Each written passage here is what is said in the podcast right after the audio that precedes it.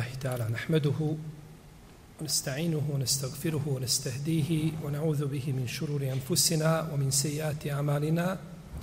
من يهده الله تعالى فهو المهتد ومن يضلل فأولئك هم الخاسرون. وأشهد أن لا إله إلا الله وحده لا شريك له. وأشهد أن محمدا عبده ونبيه ورسوله وصفيه من خلقه وخليله. ثم أما بعد.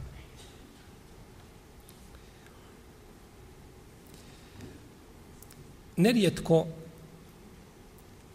možemo primijetiti kod ljudi, a i čuti od njih, da ne osjećaju slast u svojim ibadetima, da ne osjećaju jednostavno ljepotu islama. I to što osjećaju mnogi ljudi, vjerujem da osjećamo i mi večeras prisutni, bar u nekim vremenima –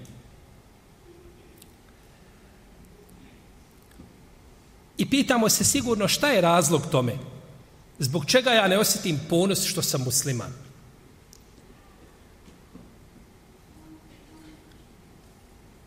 Pogledajmo prvu generaciju muslimana. Omer radijallahu ono je učio suru Al-Bekare 12 godina. Po drugoj predaji 8 godina. A najispravnije u tome što se prenosi jeste od Ibn Omara koji kaže učio sam suru El Bekare četiri godine. Znači, Ibn Omer je učio jednu stranicu mjesečno. Zar Ibn Omer nije mogao više naučiti od toga? Ibn Sad je zabilježio od Ibn Omera sa vjerodostanim lancem prenosilaca da kaže učio sam suru Al-Bekare četiri godine dok je naučio na pamet. Zašto? Ashabi su učili ajete i kada nauči jedan ajet primijeni ga u životu. A ta primjera zahtjeva ponekad vremena. Ja, ejuha alladhina amanu, kutiba alaikum usijam, kema kutiba ala alladhina min qablikum, la'allakum tettekun. Propisan vam je post da biste se Allaha bojali. Treba doći do bogobojaznosti. Pa se trudi da bude bogobojazan. Kad završi time, prelazi na drugo. Uoma anfaktum min nefakatin, au nezertum min nezirin, fa inna Allahe ja'lamu. Udje sedaka. Ha. واتقوا يوما ترجعون فيه الى الله ثم توفى كل نفس ما كسبت وهم لا يظلمون čuvajte se dana kada će svome gospodaru vratiti. Podsjećaj na ahiret i tako dalje. Pa su oni učili i primjenjivali. Dok u poznijim stoljećima, a naročito u našem vremenu, nažalost, je tako, da učimo, slušamo, a malo primjenjujemo. I onda ne osjeti se ta slast i ljepota din islama. Jer je islam živa vjera koja želi primjenu. I bez primjene ne može ništa. Mora se, znači, ono što se naučilo, mora se, pri... i samo tako se može, znači, osjetiti ljepota din Islama. I to je razlika između nas i oni koji su nama prethodili. Pa dok je bilo to prvo vrijeme, osjetila se a, islam se osjeti u vazduhu. Pa nakon toga odmah je počela promjena, je tako, pojavom određenih skupina, poput Haridžija, koji su došli i htjeli da shvate i razumiju islam, mimo onoga kako su ga razumijeli i shvatili ashabi poslanika, sallallahu alaihi wasallam. Pa su htjeli da pristupe dini islamu i da ga shvate i razumiju mimo najboljih. Pa su izišli i borili se protiv njih. Pa je Alija radijallahu anhu poveo rat protiv njih, tako? Ovaj, poznato šta se dešavalo u to vrijeme, zbog toga samo što su odstupili od originalnog razumijevanja din islama. Imam Ahmed je zabilježio svome muslimu do debu Sidi al-Hudrija da je poslanik sa osrame jednog dana rekao ashabima, kaže, bit će među vama ljudi koji će se boriti da ne bude svatanje i razumijevanje Kur'ana iskrivljeno kao što su se borili neki od vas ili većina vas se borila kada je Kur'an objavljivan da ostane objava sačuvan. Pa, pa su ashabi kazali pa smo svi počeli istezati svoje vratove. Ne bi li rekao poslanik, jeste, i ti si taj. Ali je Alija ostao iza njegovih leđa da popravi kajiš na papuči poslanika sa koji se prekinuo. Pa je rekao, kaže, to je ovaj što popravlja papuče. Pa su ošli, obavijestili ga, što luk da uzmu. Ali, kao da, kažu, kao da je već Alija čuo da je on taj koji će se boriti kada je u pitanju razumijevanje i svatanje. Da Kur'an je ispred nas. Međutim, kako ga svatiti i kako ga razumijeti, to je pitanje gdje nekad ljudski umovi zakažu. Kao što je Alija radijallahu ta'ala anhu, ja se izvinjavam, ovo je ovdje, kad bi ovo mogo pomjeriti negdje na stranu,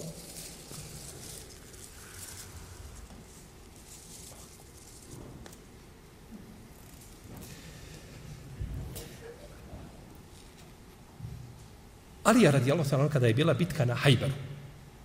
Rekao je toga dana poslanik sa osrame, kaže danas ću dati zastavu čovjeku koga voli Allah i voli ga njegov poslanik sallallahu alejhi Kaže Omer nikada nisam poželio da budem ja negdje ovako istaknut da do toga dana.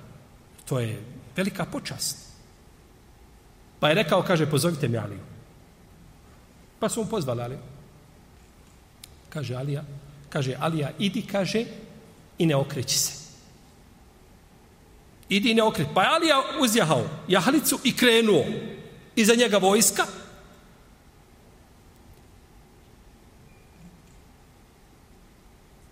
I htio je nešto pitati poslanika, sallallahu sallam. Tako došlo kod muslima u sahihu. Pa je rekao, Allahov poslaniće, pa ga je pitao, ali se ne okreće, gleda napred. Meni je rekao poslanik, nemoj se okretati. I to je to. I ja sam shvatio i razumio i to sam praktično primio. E, to je islam kojim musliman treba biti zadovoljan.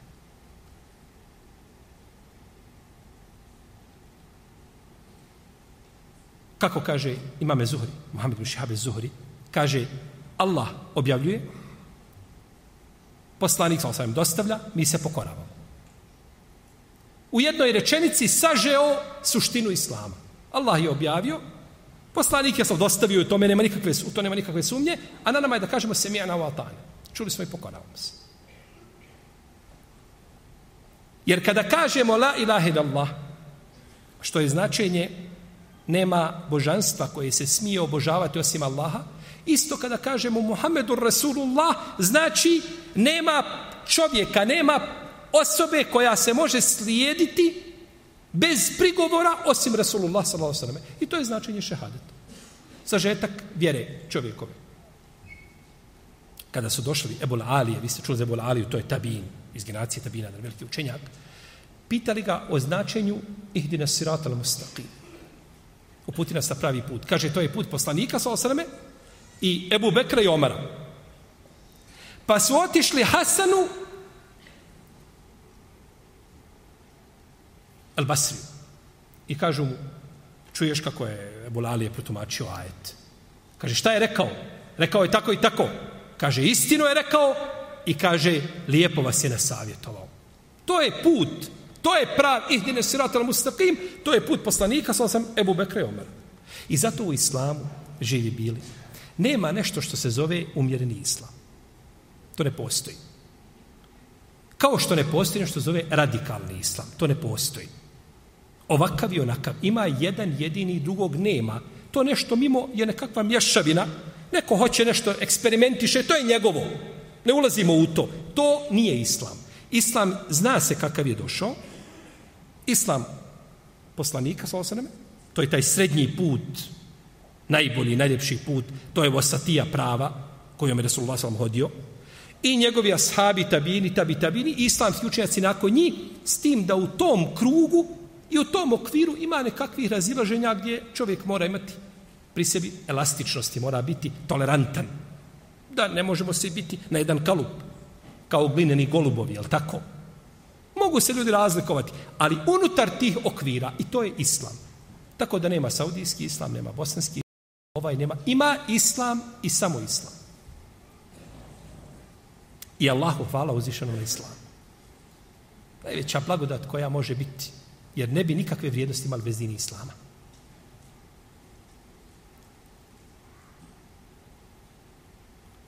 Pa je tu razlika između prvih i potonjih generacija. Čuli, svatili, razumjeli i praktično primijenili. To je to. Uzvišenje Allah kaže, vi ste čuli da je jedan od ashaba on je bio u stvari munafik, ali se tretirao muslimanom u smislu, jeli, da je, jer munafici se tretiraju muslimanima, je tako, po spoljašnosti svoju. Da je optužio našu majku Ajšu da je počinila, je tako, sa Safanom ibn Muatalom, koji je zakasnio, pa je uzeo na devu, pa, je, pa su pristigli karavanu, optužio je za nemoral. Pa je uzvišen Allah objavio tome ajtu suri Nur, očistio našu majku, uh, ovaj, znači, negirao sve što je se pripisuje, Pa su neki ashabi nakon toga preprič, prepričavali. Između onih koji su prepričavali bio je Mistah ibn Usase. A on je bio rođak Ebu Bekra. bio rođak i Ebu Bekr ga izdržavao. Pa kad je uzvišen Allah objavio ajete i potvrdio njenu čistotu, naše majke radijallahu ta'ala rekao Ebu Bekr, e to je to bilo Mistah, nema više. Što si dobio, dobio si. Pa uzvišen Allah objavio وَلَا يَأْتَلُوا الْفَضْلِ مِنْكُمْ وَسَعَ أَنْ يُؤْتُوا أُولِي الْكُرْبَى وَالْمَسَاكِينَ وَالْمُهَاجِرِينَ فِي سَبِيلِ اللَّهِ وَلْيَعْفُوا وَلْيَصْفَهُوا أَلَا تُحِبُّونَ يَغْفِرَ اللَّهُ لَكُمْ Neka se kaže ne zaklinju među vama imućni i, i, i, ovaj, i čestiti da neće pomagati svoju rodbinu i, i potrebne i muhađire na Allahovom putu. Neka daju, neka pređu preko onoga što je bilo. Kaže, zar ne bi volio da vam Allah oprosti? Zamislite, ovaj čovjek potvorio je najčedniju nema je čedi od naše majke Ajše radijallahu ta'ala. Kada je jedna od sahabiki nešto je spomenula svome mužu, Ebu je Jubu, kaže, pa eto, kaže, vidiš, nešto se priča, kaže, da si ti bila na njenom mjestu, bio ti učinila nemoral? Subhanallah, kaže, ne bi. Kaže, ona je bolja od tebe. To je to. Lekcija, der s tebi, ti ne bi, a ona je bolja od tebe. I završeno.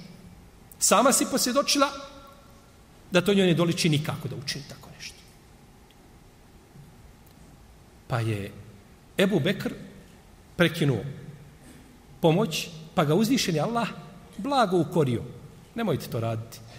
Dok je čuo taj ajet, kaže Ebu Bekr, kaže, Wallahi la enzi'oha minhu ebeden. Kaže, Wallahi, nikada mu to više uskrati neću, dok je živ ima pomoć. I zato se kaže za uzvišenog Allaha, Wallahu hajru raziqin, Allah je taj koji najbolje obskrbljuje. Učenjaci kažu, čovjek dok se naljuti, prekrete obskrbu. Odma nema. Tamar babo daje. Nema džeparca. Nešto si. Jel tako? Uradio na krivo i nema džeparca 15 dana. Allah, ljudi, mu, ljudi ga vrijeđaju, pripisuju mu da ima dijete, govore što je van razumno. I opet obskrbljuje i ne prekidajmo obskrbu. I zato je uzvišen Allah najbolji obskrbitelj. Pogledajte Ebu Bekra, on je najbolji od najboljih. Nakon poslanika i vjerovjesnika nema boljeg od njega. On je bolji od Zulkarnejna, on je bolji od Lukmana, on je bolji od Merijeme, a.s. Ebu Bekra, radi Allah. I od Hadira, ako kažemo da Hadir nije poslanik. Ja. Ali dok se naljutio, kaže, nećeš više dobiti ništa. Pa je uzvišen Allah odgojio, odgojio ashabe. I nastavio je nakon toga davati. Dobro, ovaj mista. Je li on potvorio našu majku? Nije. On je pričao. E, mista ibn Usase, e, e, e Sabit e, e, ibn Kajs, Hamra bin Džaš. Oni su pričali. Šta su pričali? Pa, znate šta su pričali? Ono što mi svakodnevno pričamo, da budemo otvoreni.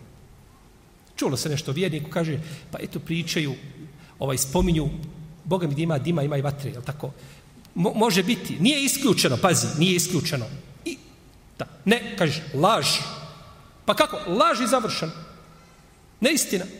Pa kad se potvrdi da je istina, onda digneš svoje ruke gospodaru i doviš bratu da mu oprosti. Jer i ti sutra možeš upustiti isti grije. Bezgres, bezgrešnog na zemlji nema. Taj ne postoji. A sabi su bili odabrana generacija, međutim nisu bili bezgrešni. Moglo se desiti da od nje uči neko prijestup. Međutim, ostaju najbolja generacija koja se ne može spominjati neko po dobru.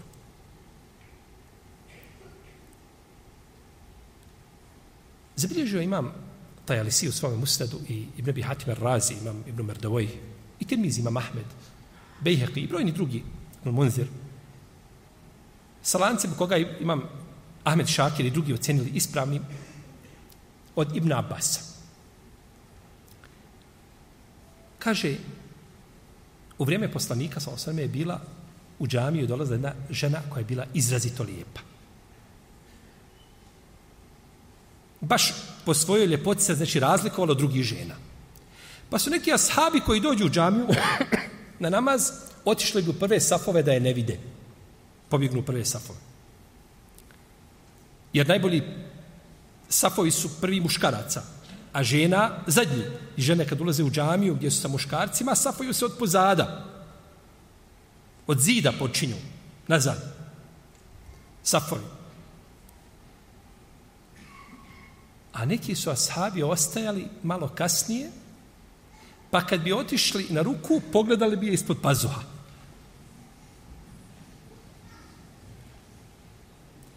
Pa je uzvišeni Allah objavio ajet u kome kaže وَلَكَدْ عَلِمْنَا الْمُسْتَقْدِمِينَ مِنْكُمْ وَلَكَدْ عَلِمْنَا الْمُسْتَقْهِرِينَ Kaže, mi znamo va, od vas one koji su bili napred i one koji su bili nazad. Ajet objavio povodom toga. To je, jeli, priroda će poslanik je rekao sa osam, da nije ostavio tako muškarcima većeg iskušenja nakon njega od žena. Baš tako. Pa je to bilo iskušenje jas, jas, jashabima i to je potvrda da su oni bili muškarci. Međutim, pored toga, nepogrešivog nema, ali ostaju najbolji. Ostaju naš uzor i naša vodilja u svatanju i razumijevanju dini Islama, kojim je uzvišeni Allah zadovoljan i na sudnjem danu neće uzvišeni Allah primiti Islam mimo tog Islama. Mimo Islama, koga su shvatili, razumjeli, ashabi, tabini, tabi, tabi, tabini i naši imami, Abu Hanife, i Malik, i Šafe, i njegovi sredbenici, Allah neće na sudnjem danu primiti drugog Islama to je Islam kojim je uzvišen Allah zadovoljan. Mimo toga su nekakve mješavine koje mogu biti dalje ili bliže od istine, međutim nije to taj originalni Islam koga uzvišen Allah hoće od ljudi. I zato kod ashaba je bilo dovoljno da čuje riječ, da čuje slovo i završena priča. Mak Ibn Jesar. Imam Tirmizi, imam Tirmizi bilježi u svome sunanu sa vjerodostavnim lancem prenosilaca od Mak Ibn Jesara. Kaže, udao sam svoju sestru za jednog čovjeka. Pa ju je razveo. I kada je prošao idet, sve to završilo, ali tako protutnjalo, jeli, onda, jeli, sabrao, sabrao se, on vidio, došao ponovo, ponovo on ju prosio za ženu. Jeli, kao što bi što bio među supružnicama, ali tako? Dok su zajedno, ne mogu gori uvijek plamti, dok se raziđu, eto, sad iznova nova bijela stranica. Hajde, nije problem. Kada je došao da prosi, kaže, Makil, nećeš dobiti. Ja sam, kaže, prema tebi postupio kao čovjek, udao svoju sestru za tebe, bio prema tebi tolerantan, nisi imao ni visok mehr, nisi imao ni... I nakon toga ti si je razveo i sada je hoćeš po... Kaže, vallahi je, nikad do ženti više nećeš. A on je bio staratelj. Pa je uzvišen je Allah objavio ajet, kome kaže, وَإِذَا طَلَّقْتُمُ النِّسَا فَبَلَقْنَ أَجَلَهُنَّ فلا تعذلوهن أن ينكحن أزواجهن إذا تراضوا بينهم بالمعروف kaže kad razvedete svoje žene pa one ispoštuju taj priček kaže nemojte im braniti da se udaju one za njihove muževe ako se dogovore nađu zajedničku riječ nemojte im braniti kad je to čuo kaže sem'an li robbi wa ta'atan. kaže, slušam i pokoravam se mome gospodaru, dođi vamo, kaže, vodi je, žena ti je. Kaže, vallahi je nećeš nikad oženiti, čuo ajet i to je završeno. Nema više polemike nikakve.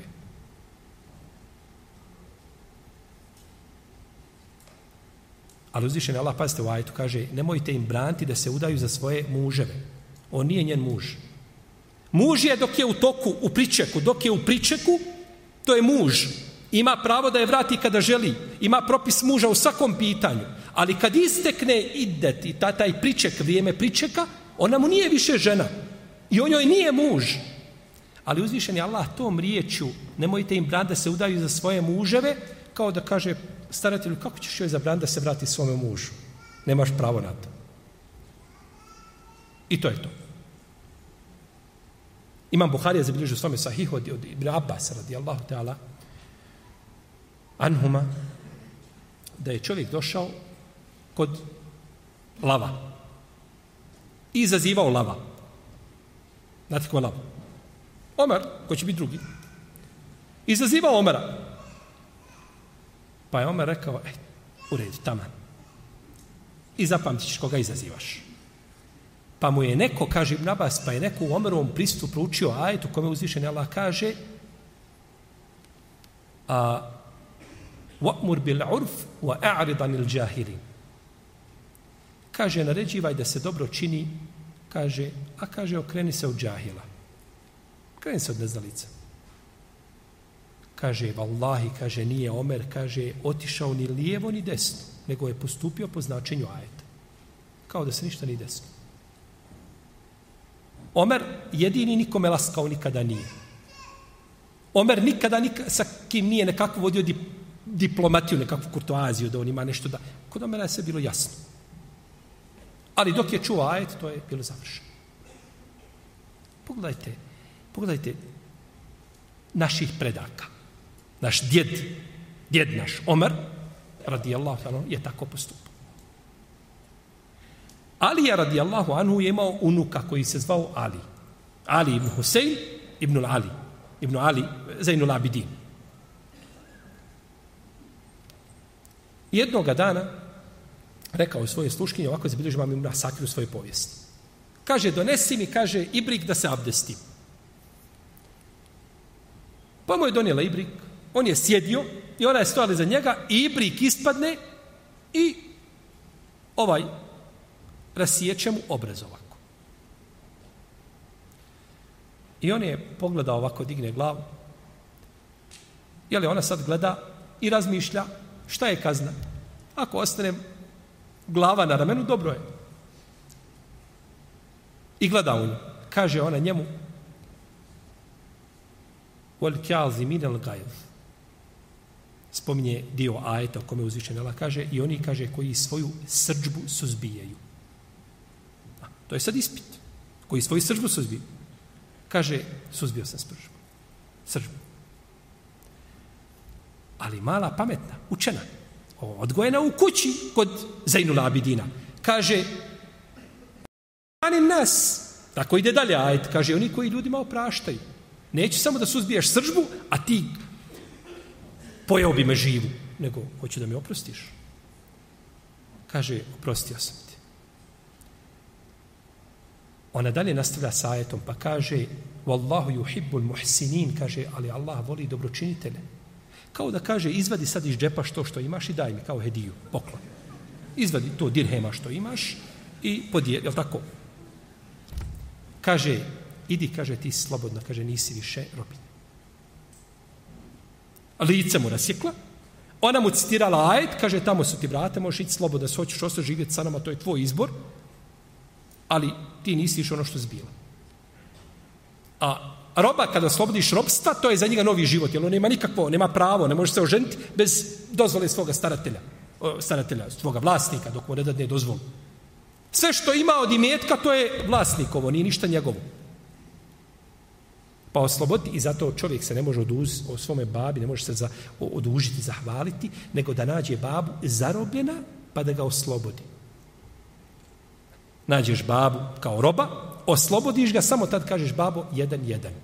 A drugačije uvijek, tvoj obraz je seđada po kojoj babo gazi. I šta god da ti kaže, šta god da ti uradi, babo je uvijek u pravu i babo je uvijek na haku, a ti staj koji treba da popustiš. To tako ide s roditeljem. Samo u jednom slučaju, kada ga oslobodiš, tako je rekao Rasulullah ve sellem koga bi ljubam muslimu svome sajijom.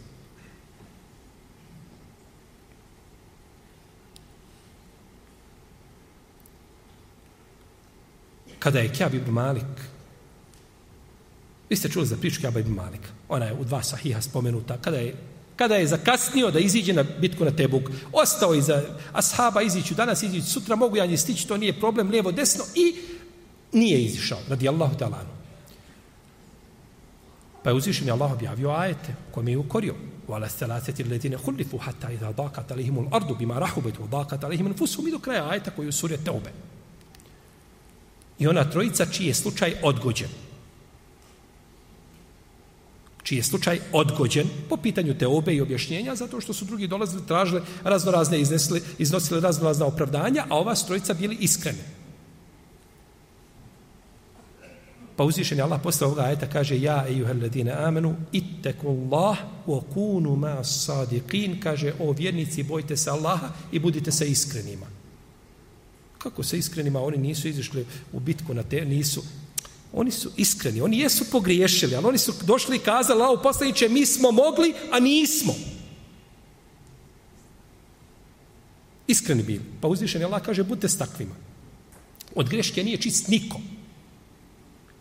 ali je pojenta u tome da li je čovjek iskren u tome ili pokušao naći nekakve puteljke da iziđe van okvira pokornosti i svojih obaveza. Oni su ostali, i trojica nisu izišli. Kjab ibn Malik Sulemi, Hilal ibn Umeje el Waqifi i Murare ibn Rabija el Amiri. Ova trojica nisu izišla na Tebuk. Pa je poslanik sam zabranio da se sa njima razgovara. Ništa boravili su svojim kućama, čak naredio ženama da, da se odvoje od njih. Kaže, Kjab ibn Malik, pa kaže, pa mi je to sve teško palo. Niko sa mnom ne priča, niko sa mnom ne razgovara. Kaže, pa sam jedan dan došao do vrta moga Amidžića Ebu Katade. Došao do zida, preskočio zid i ušao i našao Ebu Katadu da, da je unutra radi nešto, da li poji deve već šta radi. Kaže, Nazvao sam mu selam, kaže, vallahi mi, kaže, nije odgovorio. Podajte Ebu Katade, Allahu poslanik rekao, ne nazivate im ni selam. Nije rekao, pa to je moj Amidžić, to je rođak. Nije Allahov poslanik to tako baš mislio rigorozno da to bude, baš da mora. Pa ako se odgovori na selam, on, alejkum selam, tiho, ne bi smetalo. Nije mi, kaže, vallahi mi nije odgovorio na selam. Pa sam rekao, kaže, o Ebu Katade, Kaže, znaš li, kaže, Allahom te preklijem, znaš li da ja volim Allaha i poslanika, sallallahu alaihi sallam. Kaže, pa je šutao. Pa sam mu to ponovio drugi put, kaže, pa je šutao. Pa sam mu ponovio treći put. Kaže, pa mi je rekao, kaže, Allah i njegov poslanik najbolje znaju. Kaže, tada su mi se oči napunile suzama i zaplakao sam. Kaže, vratio se do zida, preskočio, izašao i odšao kući. Pogledajte te dosljednosti u, u u slijedjenju onoga što zakonodavac naređuje.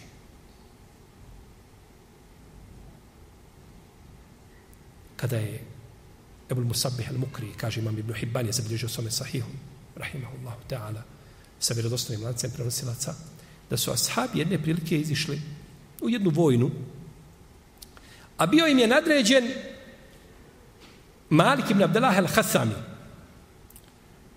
Pa je pored Malika prošao Džabir ibn Abdullah al-Ansari. Ide, drži svoju jahalicu za ovaj povodac i ne jaše, prolazi pored Malika. Kaže mu Malik, dobro, što ne jašeš? Ti iskreno u bitku neizvjesnost, treba da se odmora. Kaže, volim, kaže, hodati, kaže, odmorim, kaže, odmorim tako svoj jahlic, kaže, a čuo sam poslanika, sam sam da je rekao, kaže, ko upraši svoje stopala na lahom putu, kaže, Allah će ga zabraniti vatri džehennemsku.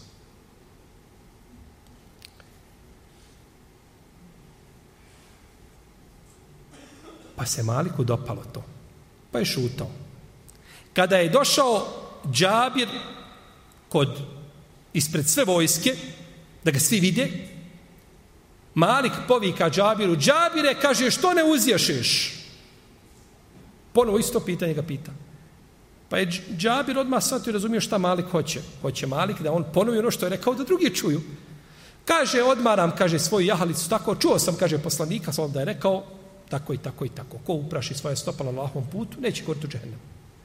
Kaže Ravija Hadisa, Ebul Musabih al-Mukri, kaže, nikada, kaže, nisam vidio više pješaka, a da sa sobom imaju više kamila i, i jahalica što toga dana. Svi su, kaže, poskakali sa svojih jahalica i hodali niko više jahao nije.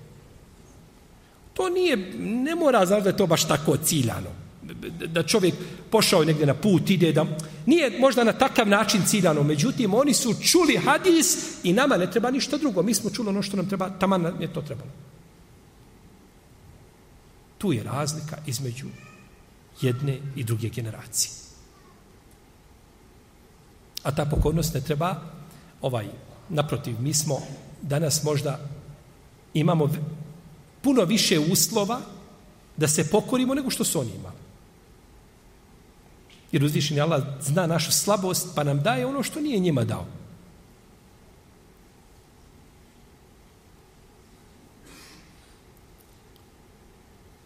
Pa je ta razlika, znači, vidna između dvije generacije. I islam koga uzdišen je Allah želi od ljudi, želi upravo od te generacije koja je došla da to praktično pojasni kako to kako to izgleda. Imam šafija jednog dana bio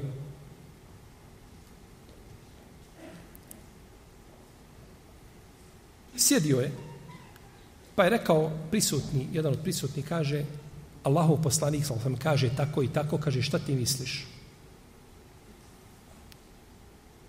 Kaže šta ti misliš? Kaže šta imam da ja mislim? Kaže Allahov poslanik sam sam rekao tako i tako. Zad vidiš kaže da sam zunaru opasao? Onaj pojas što kršćani stavljaju tako. Najčešće bude crvene boje, ima krst na njemu. Vidiš me da kaže da nisam musliman? Šta ja kaže imam da mislim ako je Allahov poslanik sam rekao tako i tako? Kao da traži od njega, možeš ti kako oponirati uh, Allahom posla, kontrirati Allahom poslaniku, sallallahu sallam. Pa se naljutio. Kao što radio nesretnik ovaj, Bišr el Merisi, Džehmija. On, bi, on, bi, on, je, on je govorio, kaže, ništa, kaže, nema više da se kosi s mojim mišljenjima, kaže, od Kur'ana. Pa ti si rekao, ti sam sebi dženazu klanjao. E, nema ništa više da se kosi s mojim od Kur'ana. Pa to je to, ti si nam kazao kosi.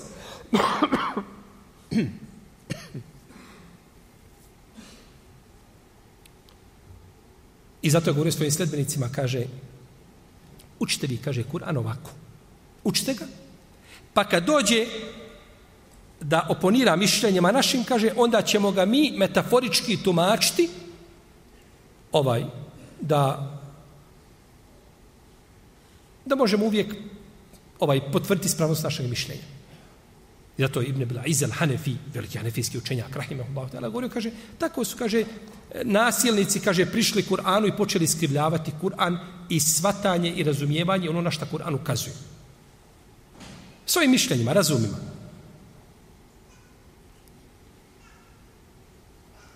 Kaže, Ebu Moavija, Muhammed ibn Hazim al-Darir, jedan veliki hadijski učenjak. Čitao sam, kaže, jednog dana hadise Ebu Saliha u prisustvu Haruna Rašida. Harun Rašid bio šta? Halifa. Halifa muslimana bio. U vrijeme imama Malika, Ebu, Ebu, Mens, Ebu Džafra Mensuri, ta, ta znači generacija halifa koji su bili u vrijeme imama Malika.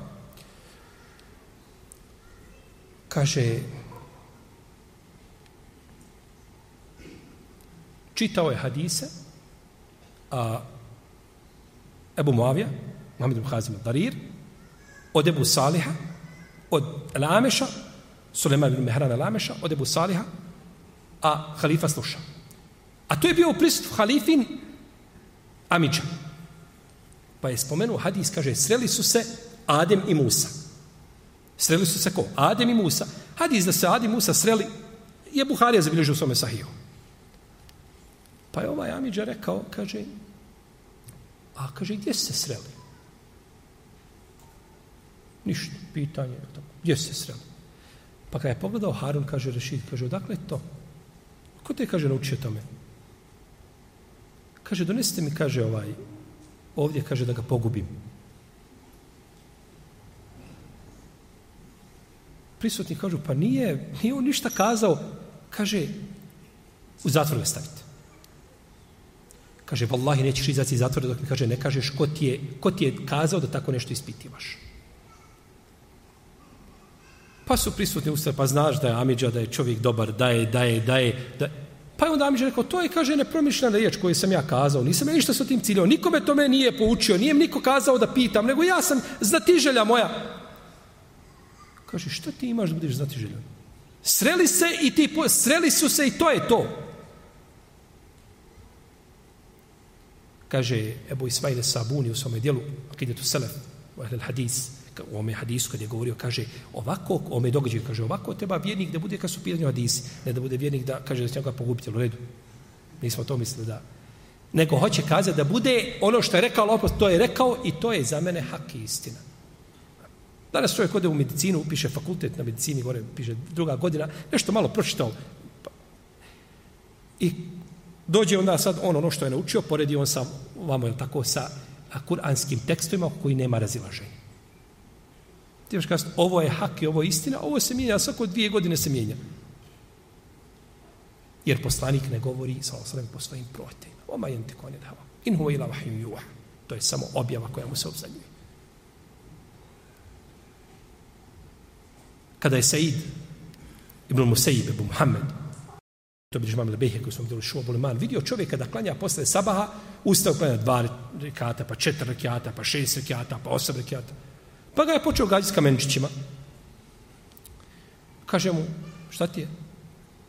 Šta radiš tu? Pa kaže, klanja. Sjedni, kaže. Pa mu kaže, dobro, kaže Ebu Muhammed, hajde te nešto pita. Pita on, sad sedi mu Musaiba. A Sa'id ibn Musaib je među tabinima ono što je Ebu Bekr među ashabima. Što je Bubekr među ashabima, to je Sa'id ibn Musaib među tabinima, Ebu Muhammed, zapamte njegovo ime, to je velikan umet.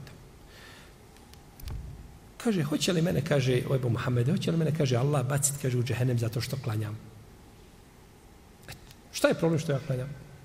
Kaže, neće ti, kaže, Allah kažnjavati što klanjaš, nego će te, kaže, kažnjavati što radiš suprotno sunnetu. Allahu poslanik posle sabaskog ezana nije klanjao nego dva rekiata.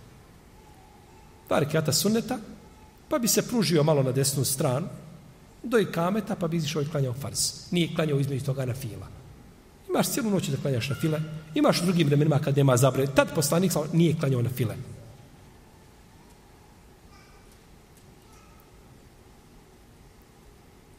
Kada je uzvišen Allah objavio ajet u kome kaže a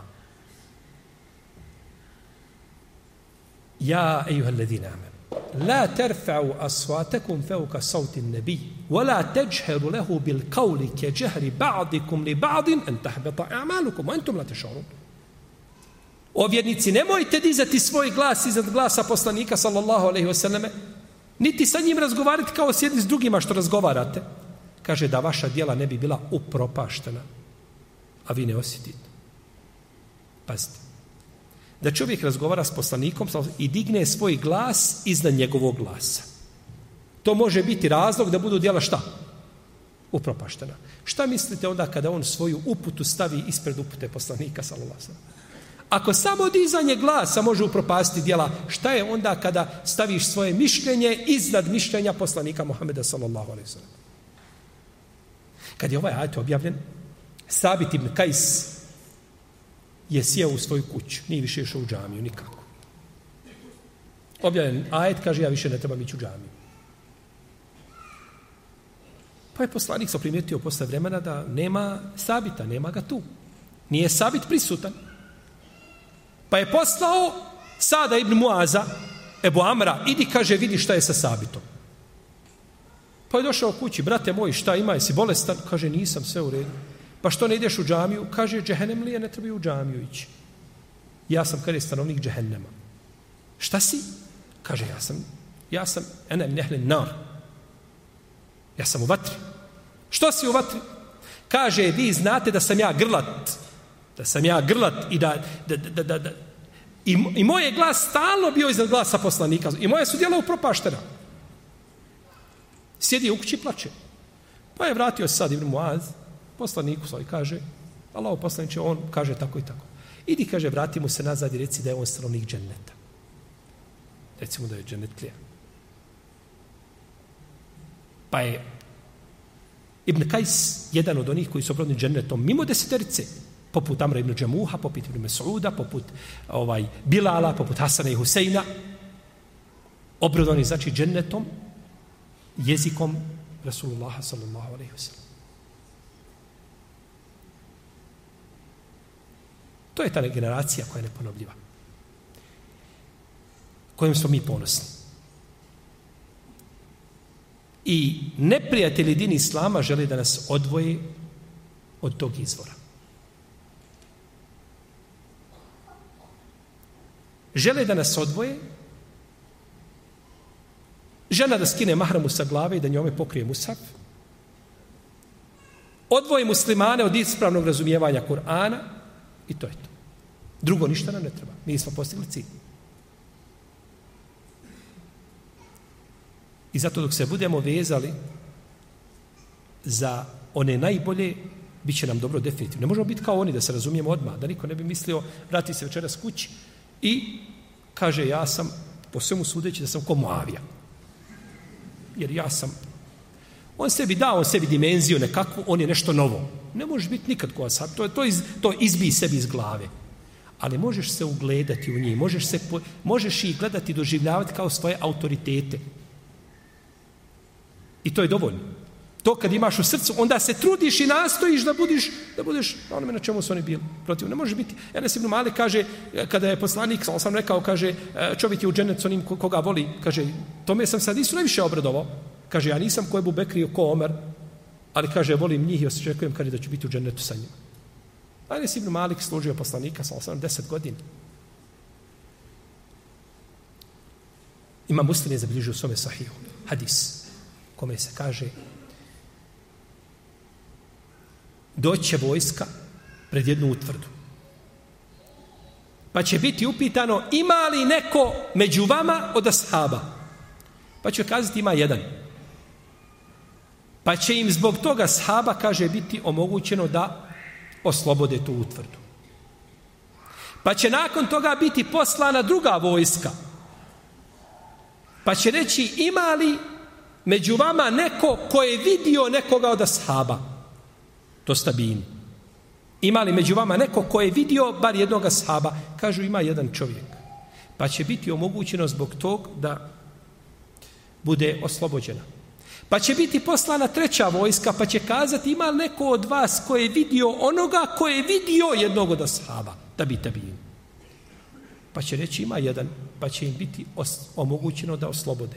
Pa će biti poslana četvrta vojska, pa će biti rečeno ima li među vama neko ko je vidio onoga ko je vidio onoga ko je vidio nekoga od ashaba. Četvrta generacija. Kažu ima jedan, pa će im osloboditi. Pogledajte, bereketa ta, te prve generacije koji je poslanik sa osvijem pohvalio svojim jezikom. Sallallahu alaihi vseleme, A prije toga uzvišen je Allah u Kur'anu. To je islam koga uzvišen je Allah traži u svojih robova.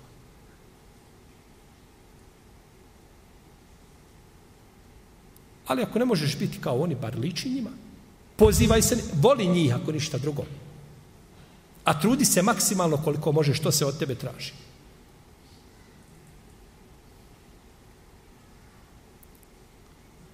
Da ne bi došli do, do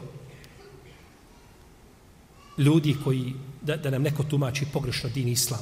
A toga je danas više nego mnogo. Svako je udicu bacio i svako čeka žrtvu da se upeca. Razno razna izditoperena krva, kriva tumačenja Kur'ana. Huz mine walihim sadakaten, tudahirhum od zakihim ja, osalli alejim. Uzmi iz njihovi meta kao o poslaniće. Šta? Zekijat. Uzmi iz njih, o poslanića, ti, Allah poslanić, ti uzmi, znači nema zekijata posle poslanika. Wa'bud rabbeke hatta ya'tiyaka al-yaqin. I obožavaj gospodara dok ti ne dođe jekin. Znači, obožavaš Allaha, ideš jedno vrijeme, živiš u nekakvom svome svijetu, duhovnom živi, razvijaš se. I samo jednom momenta kaže što je to? Mm, nakon toga ni namaz, ni post, ni zikjat, ništa. Jer je rekao, uzvišen Allah, obožavaj Allaha, dok ti ne dođe šta? Jekin, ubjeđenje. Kad ti dođe ubjeđenje, kad ti vidiš da si ti onaj pravi, dobri, ništa. Nakon toga ne moraš ništa više. Poslaniku sam takav je nikada došao nije. Niti ashabi, bilo kome. Merađ al Bahreni jel teqijan. Allah je pustio da se dva mora dodiruju. Ne miješaju se, dodiruju se. Kažu Ali i Fatima. Jahruđu minhume lu'lu ol merđan. Iz tih mora se vade biseri merđani. Kažu Hasan i Husein. Ne možete nikako Kur'an razumjeti. Kur'an se ne može razumjeti takvim tumačenjima imaš ispred sebe knjigu koju ne možeš razumjeti. Ne znam kako da poznaješ arapski jezik, da si onaj pustinjak originalni koji priča čisti arapski jezik, ne može razumjeti Allahu knjigu. A uzvišen Allah kaže, mi smo ga objavili na jasnom arapskom jeziku. Pustinjaci oni su razumijevali i, i, i koji su živjeli u urbanim zonama, svako je shvatio i razumio Kur'an. Ali ljudi dođu i metaforički tumače značenja koja nikad uzvišeni Allah nije htio od ljudi, niti je to neko tumačio od islamskih učenjaka tako. Kažu hadis u kome kaže pegamber alaihi salam La tekumu sa'a hatta tatlo ašemsu min magribiha. Neće nastupiti sudnji dan dok ne izađe sunce sa zapada. Kažu sunce islam. U ovom hadisu sunce islam. I dolazi sa zapada. Sa zapada u užem ili u širem smislu značenja kako hoćete. Mislim na zapadnu Evropu ili Ameriku. Znači, islam koji će doći, koji će obasjeti Dunjaluk, je islam koji doći sa zapada, a ne onaj koji dolazi sa arapskog polotoga. Tumači. On je bacio udicu i čeka da se ti upecaš.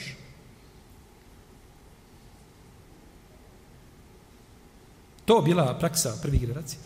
Allahov poslanik kaže u hadisu koga bliži muslimu svome sahiju, kaže doći će ljudi pod kraj Dunjaluka, pričat će vam ono što niste čuli ni vi, ni vaši očevi. Pa i se kaže, dobro pripazite. To što ti pričaš, to nema ništa sa dini islamom živio. Takva tumačenja, ta, takav pristup, takvo svatanje, razumije, to nema ništa sa dini islamom. To je uvezeno. To je uljez u din islamu, to nema ništa sa dini islamom. I da neko ne misle, to su obnovitelji nekakvi, ovaj, reformatorima. Kakvi reformatori?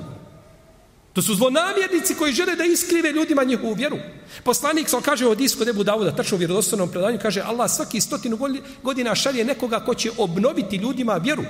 Ali obnavljanje vjere biva tako što se oživi ono što se umrtvilo i pozivanjem prakse na, na, na praksu onih koji su prethodili i kojima je i Kur'an i Sunnet posvjedočio da su dobri.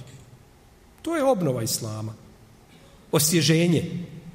A nije obnova da doješ i iskriviš tumačenje i onda to plasiraš ljudima.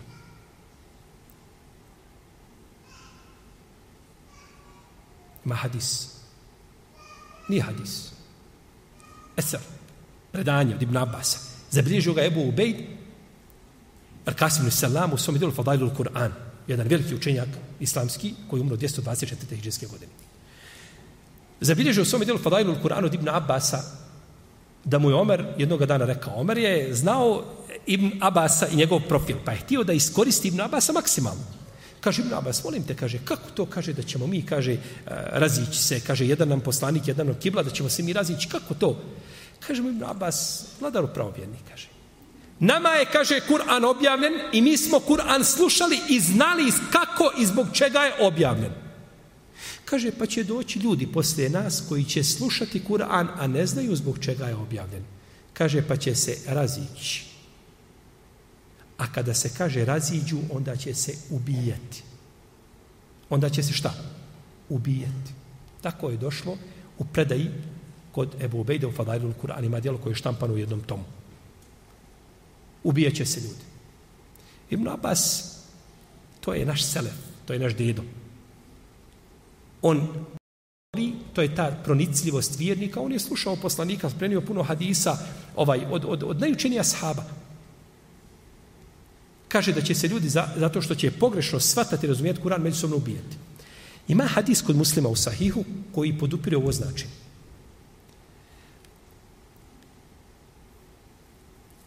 Ima predanje da je poslanik sa osame rekao, dovio Allahu da Allah sačuva njegov umet, da ne bude uništen općim prirodnim nepogodama i da ne bude uništen njegovim neprijateljem. Pa je uzvišen Allah rekao, o Muhammede, neće tvoj umet biti uništen nekakvim nepogodama, ni sušama, ni kaže neprijateljem, kaže kada bi se iskupili sa svih strana zajedno, kaže ne mogu vas uništiti. Sa svih horizonata kada bi došli, ne mogu vam nauditi da vas unište. To je garant nego ćete vi, kaže dalje poslanik sa hadisu, nego ćete vi, kaže, jedni druge porobljavati i jedni druge ubijati. Vi ćete jedni druge porobljavati i vi ćete jedni druge ubijati. Znači, problem je u vama živi. Tako nam je rekao Resulullah s.a.v. u hadisu koga bilježi muslimu svome sahiju, koji je vjerodostojan bez imalo razilaženja. Pogledajte šta znači pogrešno razumijevanje dini Islama. I svi problemi među muslimanima danas koji se vraćaju se na, na ovaj, ovo, ovo je izvor glavni. Ovim ili onim putem se nađu, to je, to je ne, tačka sastajališta svih problema koji muslimani danas imaju. Govorimo ono što se tiče direktno dinskih, je tako, vjerskih problema. Iako se sve veže za našu vjeru. I zato je šehol Islam govorio uh, Ibn Tejmije, govorio tako Ibn Abdel Hadi, tako govorio Imam Šalti, u svom djelu Muafakat i drugi učenjaci, svi kažu ne može čovjek pristupiti ajetu, niti hadisu, osim na način kako su pristupali oni prvi i da u tom svjetlu i tom okviru da iznalazi možda nova rješenja nekakva koja imaju. Naravno, mi ne možemo u našem vremenu da kažemo moramo sve tražiti kod tabina. Ne možemo tražiti sve kod tabina jer ima pitanja oko koji nisu pričali. Ali imamo okvir unutar koga ulema u tom vremenu i čtihadi nastoji doći do pravih rješenja koja su potrebna ljudima, odnosno rješavaju njihove probleme, a nemoguće da u islamu nema rješenja. To je nemoguće. Nema pitanja na zemlji koje se pojavi da islam nema o njemu stav. Kakvo god da bilo. Samo što ga ja i ti ne znamo. To je drugo. Ali ima ko, neko koga zna. Ima neko koga zna. Pa je to bila odlika, znači, ovih generacija, da su slušali i praktično primjenjivali. I kada uzdišenje Allah hoće nekome dobro zapamtite izjavu a, a, Marufa al-Kerhija, rahimahullahu ta'ala, koji je zabilježio na Sakir, kaže, kada Allah hoće dobro čovjeku, kaže, on mu omogući da radi. A kaže, kada mu neće dobro, on mu kaže, omogući da raspravlja. To je to. Čuo si, radiš i postupaj po tome što si čuo.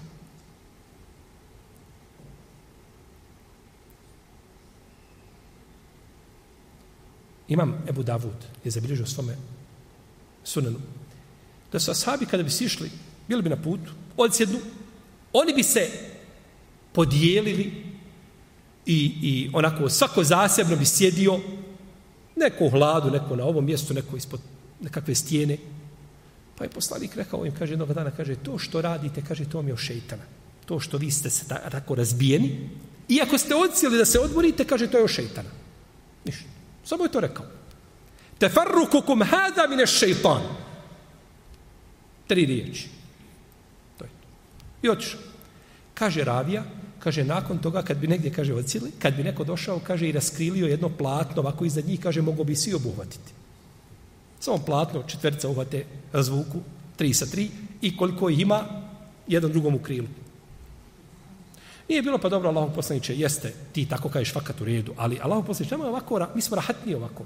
Ovako ležiš, možeš i noge dići, jel tako ovaj, malo da se povrati, jel tako ovaj, da se osježiš malo, da e, možeš spavati lijepo, niko ti ne smeta. Kaže, ravija, platno i svi ih pokriješ. I kod Ebu Davuda, ovaj ima dobar lanac prenosacajmo ovaj hadis, ima i kod Ebu Davuda i drugo predanje od Ibn Mesuda, da jedne prilike je bio na vratima džamije, A poslanik sa osam je držao hutbu sa mimbera. Pa je rekao, kaže, sjednite. Pa je dali mu Mesud odmah sjeo na, onako na prag. Pa se poslanik osmijenuo, kaže, Abdullah, kaže, uđi, uđi džaviju, kaže, sjedni vam. Hoće ga, nisi ti ciljan bio tim riječima, ali ne znam ja, Allah poslič, ko je ciljan, ja znam šta sam čuo. Ja ne znam šta si ti mislio, Allah poslič, ali znam šta si rekao. I moj da se pokori.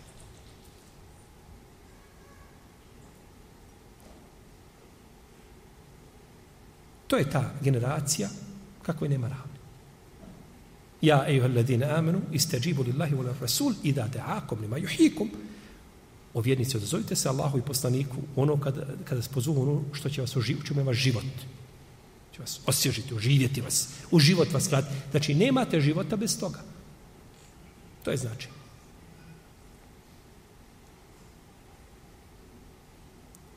Iz toga mi danas imamo jednu perfidnu borbu Nećemo dugo, završiti brzo. Imamo jednu perfidnu borbu protiv islama. A to je pokušaj da se pod plaštom svatanja i razumijevanja vjere natruni taj čisti islam koji je sažet znači u Kur'anu i u sunnetu. Na razno razne načine. Stoga ne prihvatamo islam ili ovako ću kazati, stoga ne prihvatam islam. Ja nikoga ne obavezujem da se mora složiti sa mnom u bilo čemu što sam rekao. Govorim u svoje ime samo. Ne prihvatam islam u kome dođu nekakvi novi reformatori, pod navodnim znacima, i tumače Kur'an i hadise onako kako to nisu protumačile prve generacije ili učenjaci kroz stoljeće. Hadis kod Buharije, prošli komentatori njih desetine, stotine komentara na Buharin Sahih. Nikome to nije za oko zapelo i došlo svjetlo u 14. 15. miđarskom stoljeću i to mu za oko zapelo. Ne prihvatamo islam, ne prihvatam islam u kome se ljudi poigravaju sa hadisima kako žele, a naročito sa hadisma iz, iz Buhari i muslima. I kažu to je laž. Ovo, ovo se danas dešava sve u arapskom svijetu. Ovo sve što vam govorim dešava se u arapskom svijetu, neće dugo doći, to, proći, to će doći ovdje kod nas. Svako zlo koje se pojavi, ono nađe svoga poštara da ga donese negdje. Ja sam 2001. godine držao predavanje u jednom gradu o preterivanju vjeri. 2001. godine kada niko nikoga takfirio nije. Dobio sam ovaj ukora raz, s raznoraznih strana, zbog čega priča o tome. Ljudi ne dotjeruju svoju vjeru, a mi pričamo o pretjerivanju vjeru. Događaje treba pretići. Neprihvatanje hadisa u akidi, pojedinačni hadisi koji nisu mutavatir, kažu oni se ne prihvataju u akaidu. To niko od učenjaka rekao nije. Takav mezeb kod ehlu suneta ne postoji kod uleme. To je uljez u shvatanju razumijevanju dini islama. Napad na ashabe. Naročito na Muaviju. Naročito na Muaviju. Jer ashabi su jedna ograda koja čuva din islam. A vrata te ograde predstavlja Moavije. I kad se ta vrata znači otvore, onda se dolazi do din islama. Vrijeđanje učenjaka Ebu Hanife, rahimehullahu teala. Imama Buharije, izigravanje sa Buharijom. Ibn Tejmije, Ibn Kajima, savremeni mnogi učenjaka. Bilo koga, bilo koga od drugih učenjaka. Vrijeđanje. Ako imaš argument, odgovoriš naučno s dokazima da je neko napravio grešku. I na kraju doviš Allahu da ga popravi. To je obaveza muslimana prema muslimanu. Ali da blatiš, da vrijeđaš, omalovažavaš i smijavaš i to zna svako. Svi smo alimi onog najvećeg vrhunskog kalibra. To svako od nas zna i umije. Nalijepiti čovjeka da ne može sebi doći mjesec dana. Ali treba odgovoriti naučno s islamskim edebom i etikom. Dalje, poricanje pojave Isa, dolaska Isa, Deđala, Mehdija, Jeđuđ i Međuđ ne može u Kuranu je spomenut pa im, pa im ne daje dovoljno prostora. I ostali preznaka sudnjeg dana. Kažu to je to Mehdi, to Deđal, to je, kažu, to je jevrejska akida. Buharija i muslim puni predanja o pojavi Deđala, kažu to je jevrejska židovska akida, kažu to nije muslimansko vjerovanje. U što vjerujete Allahu i Rabuju?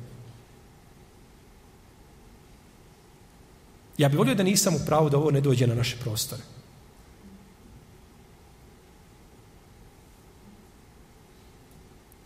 Isto tako pitanje razorazna koja se tiču međuljudskih odnosa. A negiranje nečega što je u, u dini islamu bilo potpunosti. A propisi, mimo, mimo toga dolaze ljudi sa razoraznim propisima, ne može, kaže, ne može, ne može ovaj, ne može, ne može poligamija. Poligamija, dobro, zašto ne može poligamija? Kaže, ima a, hadis u kome poslanik kaže, la darare wa la dirar, nema štete ni štetenje. Nema štete ni šta? Štetenja. Pa ne može zato poligamija. Znači, Kur'an je objavio nešto što šteti, pa je došao poslanik pa anulirao tu štetu. Je tako? Mani se toga što danas kauboj ono, rade ono što rade. Kogod uradi nešto u dini islamu, on ima svoje ime i prezime, ima svoj matični broj. I prstom se upre u njega. Ne diraju dini islam živi. Ostavi dini islam. Allahova objava je takva i ona je originala i bez toga bi bila krnjava i ne može drugačije. To što se tebi ne sviđa, problem je u tome što nisi shvatio, nisi razumio, vrati se iznova čita iz početka. Razumit ćeš. Budi iskren, razumjet ćeš. Ali Allahova je objava takva. A to što se ljudi poigravaju, pa predstave propise ovakvim ili onakvim, to ništa nema sa din islamom. Nikako. Kažu, nije nikab od islama. Nije nikab od islama. Kažu, čekaj, kako nije islama? Izvedi ti Kur'an i kaže, evo ti, kaže, gdje mi nađi, gdje je nikab spomenut. Ja sam skoro bio na jednom jednom simpoziji je bio jedan od uglednih ljudi reče, kaže,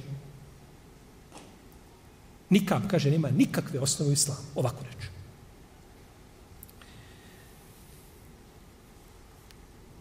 Dobro živio. Prije nego što progovoriš, prije nego što kažeš, moraš se pozvati na nešto. Onaj ko kaže, uz veliko poštovanje svakome ko kaže, a neka se ne ljute na mene. A ja ću biti malo grub, recimo zapravo da budem malo grub. Onaj ko kaže da nikab nema osnovu islamu, taj ne čita islamske. On čita novine. Čita romane. Čita nešto. Nešto on tamo čita negdje. On nema veze sa islamskom literaturom. On nikad knjige fika otvorio nije, bar poglada koja govori o tome. A, kogod da bio. Nikad niko na zemlji od vremena Muhammeda, ali islam, do današnjeg dana, nije rekao da nikab nije od islama. Takvog majka nije Alima rodila, niti ga je zadojila, niti su ga ljudi pokopali. Takav ne postoji. Alim da je rekao da nikab nije od Islama, takva, takvog nema. Nema i nema. Nikab kod islamskih učenjaka kruži. Ja je vađib, ja je sunnet. Ja moraš, ja je pohvalno. Ja, je, ja si griješna što nisi stavila, ja si ostavila bolje i preče. Dva mišljenja. Većina učenjaka kaže da je nikab sunnet, jedan veliki dio iz Selefa i pozni učenjaka kažu da je vađib, to je unutar okvira gdje ima fleksibilnost, pa čovjek shodno svoje, svoje bogovjaznosti bira šta će i kako će. Ali, ali nikad, niko od učenjaka nije rekao da je nikab muba, samo muba. A da ne govorimo o bidati te, te ta, nekakve kvalifikacije koje ljudi izmišljaju, o tome nema ni slova u islamski. Čak znajte da su islamski učenjaci složni svi, spominje Ibn Munzir, Ibn Kudame i Šehol Islami, i hanefijski učenjaci, i malikijski, i šafijski, i ambelijski, zari, svi na zemlji su složni da žena na hađu može pokriti svoje lice. Bez razila, na hađu. Samo ne smije ni kabom zato što se nikad priljubi, nego spusti nešto s vrha glave. Sva ulema na zemlji složna, jedinstvena, da je to pohvalno da uradi. A mimo hađa da ne pričamo, to je jasno. I onda ti kaže, evo ti Kur'an, nađi mi u Kur'anu, molim te gdje je spomenuto, ja ću Kur'an uzeti, iako je to neprimjerno, i vrati ga s druge strane i kaže, nađi u Kur'anu gdje je spomenuta droga. Znači, možemo zrugirati, nema zabrane. Ne, kazat će, ne, ne, ne, nisi razumio, pa imaju hadisi. Pa isti je i moj odgovor. Imaju hadisi o tome, o čemu pričaš, imaju hadisi. U protivnom ću ti kazati, ja sam klanio podne jedan rekat i dam ti Kur'an, kaže, dokaži mi da je moj namaz neispravan. Pola rekata klanja. Dokaži mi da je moj namaz neispravan. Dokaži mi da postoji nešto što se zove podne namaz. Ajde, bujno, otvori Kur'an i dokaži. Možeš mi dokazati iz Kur'ana da postoji sabah i jacija. To da, to je spomenuto. Ima nešto zove srednji namaz. Hafiz ala salavati, wa salati l-wusta, wa kumu lillahi kanitin. Pazite na srednji namaz. Ali opet tefsir možeš, moraš uzeti da je to i kindija iz hadisa. Neš mi naći ni akšama i podne po imenu. Znači ja klanjam dva rekiata, ala bereke, fino. Ujutro i na večer. Pa imaju hadis, pa živ bio, imaju hadis, tačno, to je, to je ono što imaju hadisi. Nemoj nas odbaviti od hadisa. I islam je jasan. Ko želi istinu? Allaha mi uzvišenog jasnije nego ti kada staneš preš čistog gledalo i pogledaš sebe. A nemaš nauča, nemaš dioptiju nikakvu. Tako je islam jasan. Ko dan. Ostavio nas poslanik sa na putu koji, njegova noć kao dan. Ne možeš zalutati nikako osim ako želiš biti nesretan. Ali hajmo mi to pokušati nekako. Hajmo ubaciti nekakvu. Hajmo kazati. Dobro. Kako to da žena dobiva duplo manje od muškarca kad je pitanju nasljedstvo? Eto, eto, vidiš, kako to ide? Kaže jedan izišao, jedan od njih, od tih današnjih reformatora, tako, kaže, ja se, kaže, pitam, ako kaže, ja se pitam, da li žena, kaže, u današnje vrijeme treba da dobije pola kao muškarac? On se pita. Allah ti pamet dao, šta ti ima da se pitaš? Ti imaš da kažeš, čuo sam i pokoravam se, to je tvoje, a nije tvoje da se ti pitaš. I onda je žena manje vrijedna nego šta? Nego muškarac. Nije manje vrijedna nego muškarac. Uzvišen je Allah je to propisao i to je, samo je u tome, u tome je puka korist za ljude. Međutim, ne mora znači da žena uvijek dobija manje od muškarca. Žena dobiva manje od muškarca kad je pita nasljedstvo samo u četiri slučaje. Kad ostanu sin i čerka. A, sin i čerka kad ostanu. Brat i sestra. A, sin i čerka su, govorimo, u, u, kada je riječ o onome koji je ostavio. Muž i žena, ako nema ovaj, jer ona dobija od njega osminu ili četvrtinu, on od nje dobija polovinu ili četvrtinu. Otac i majka, ako nema sina, i brat i sestra kada ostane. To, oni dobivaju, znači, pola. Mimo toga, postoje različiti slučajevi gdje žena može dobiti koliko muškarac. Čovjek umro i ostavio je za sebe oca, majku i sina. Majka i otac svako imaju po šestinu. Muž i njegova žena dobili šta? Isto, po šestinu dobili. Nije pravilo uvijek pola, žensko uvijek, nije tako. Naprotiv, poneka žensko može dobiti više od muška. Nisu nikada nova pravila, u redu. Ne radi se o novim pravilima. Stara pravila.